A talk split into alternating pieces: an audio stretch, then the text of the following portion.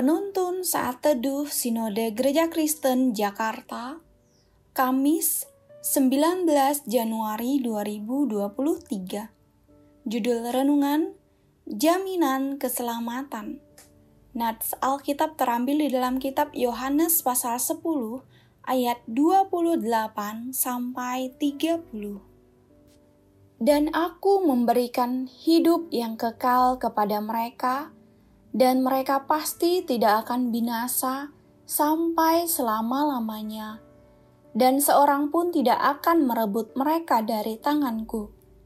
Bapakku yang memberikan mereka kepadaku lebih besar daripada siapa pun, dan seorang pun tidak dapat merebut mereka dari tangan Bapa aku dan Bapa adalah satu.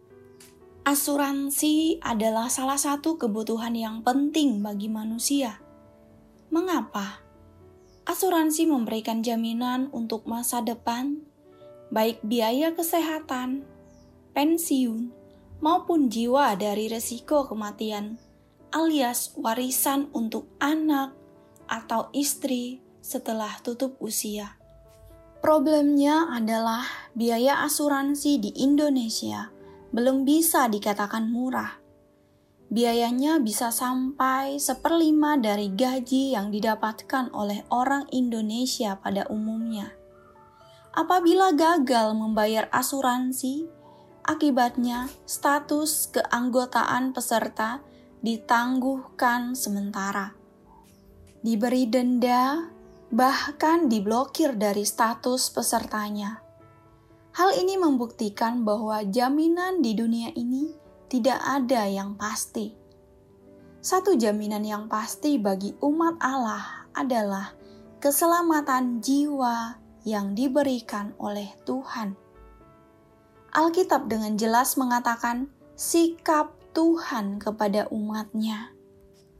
Ia berkata, dan aku memberikan hidup yang kekal kepada mereka, dan mereka pasti tidak akan binasa sampai selama-lamanya, dan seorang pun tidak akan merebut mereka dari tanganku.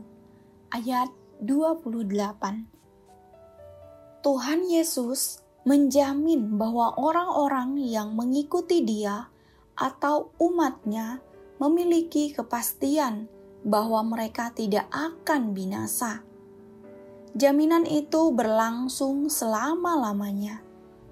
Jaminan keselamatan tidak akan habis masa berlakunya, sebab yang menjamin adalah Tuhan sendiri.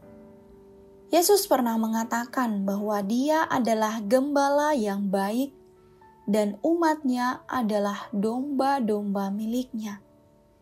Jika ada orang yang mau merebut domba, maka orang itu harus lebih kuat daripada sang gembala.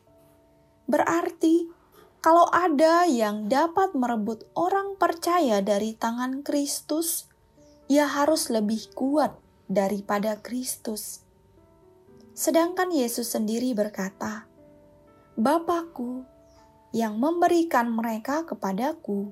lebih besar daripada siapa pun, dan seorang pun tidak dapat merebut mereka dari tangan Bapa. Aku dan Bapa adalah satu. Ayat 29 sampai 30. Keselamatan bisa terjadi hanya karena anugerah Allah. Manusia yang berdosa tidak akan mampu menyelamatkan diri sendiri.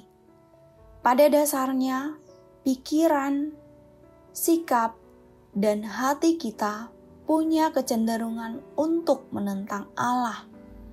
Kalau saat ini kita bisa mengenal Allah dan punya hubungan yang baik dengannya, itu bukan karena kemampuan kita.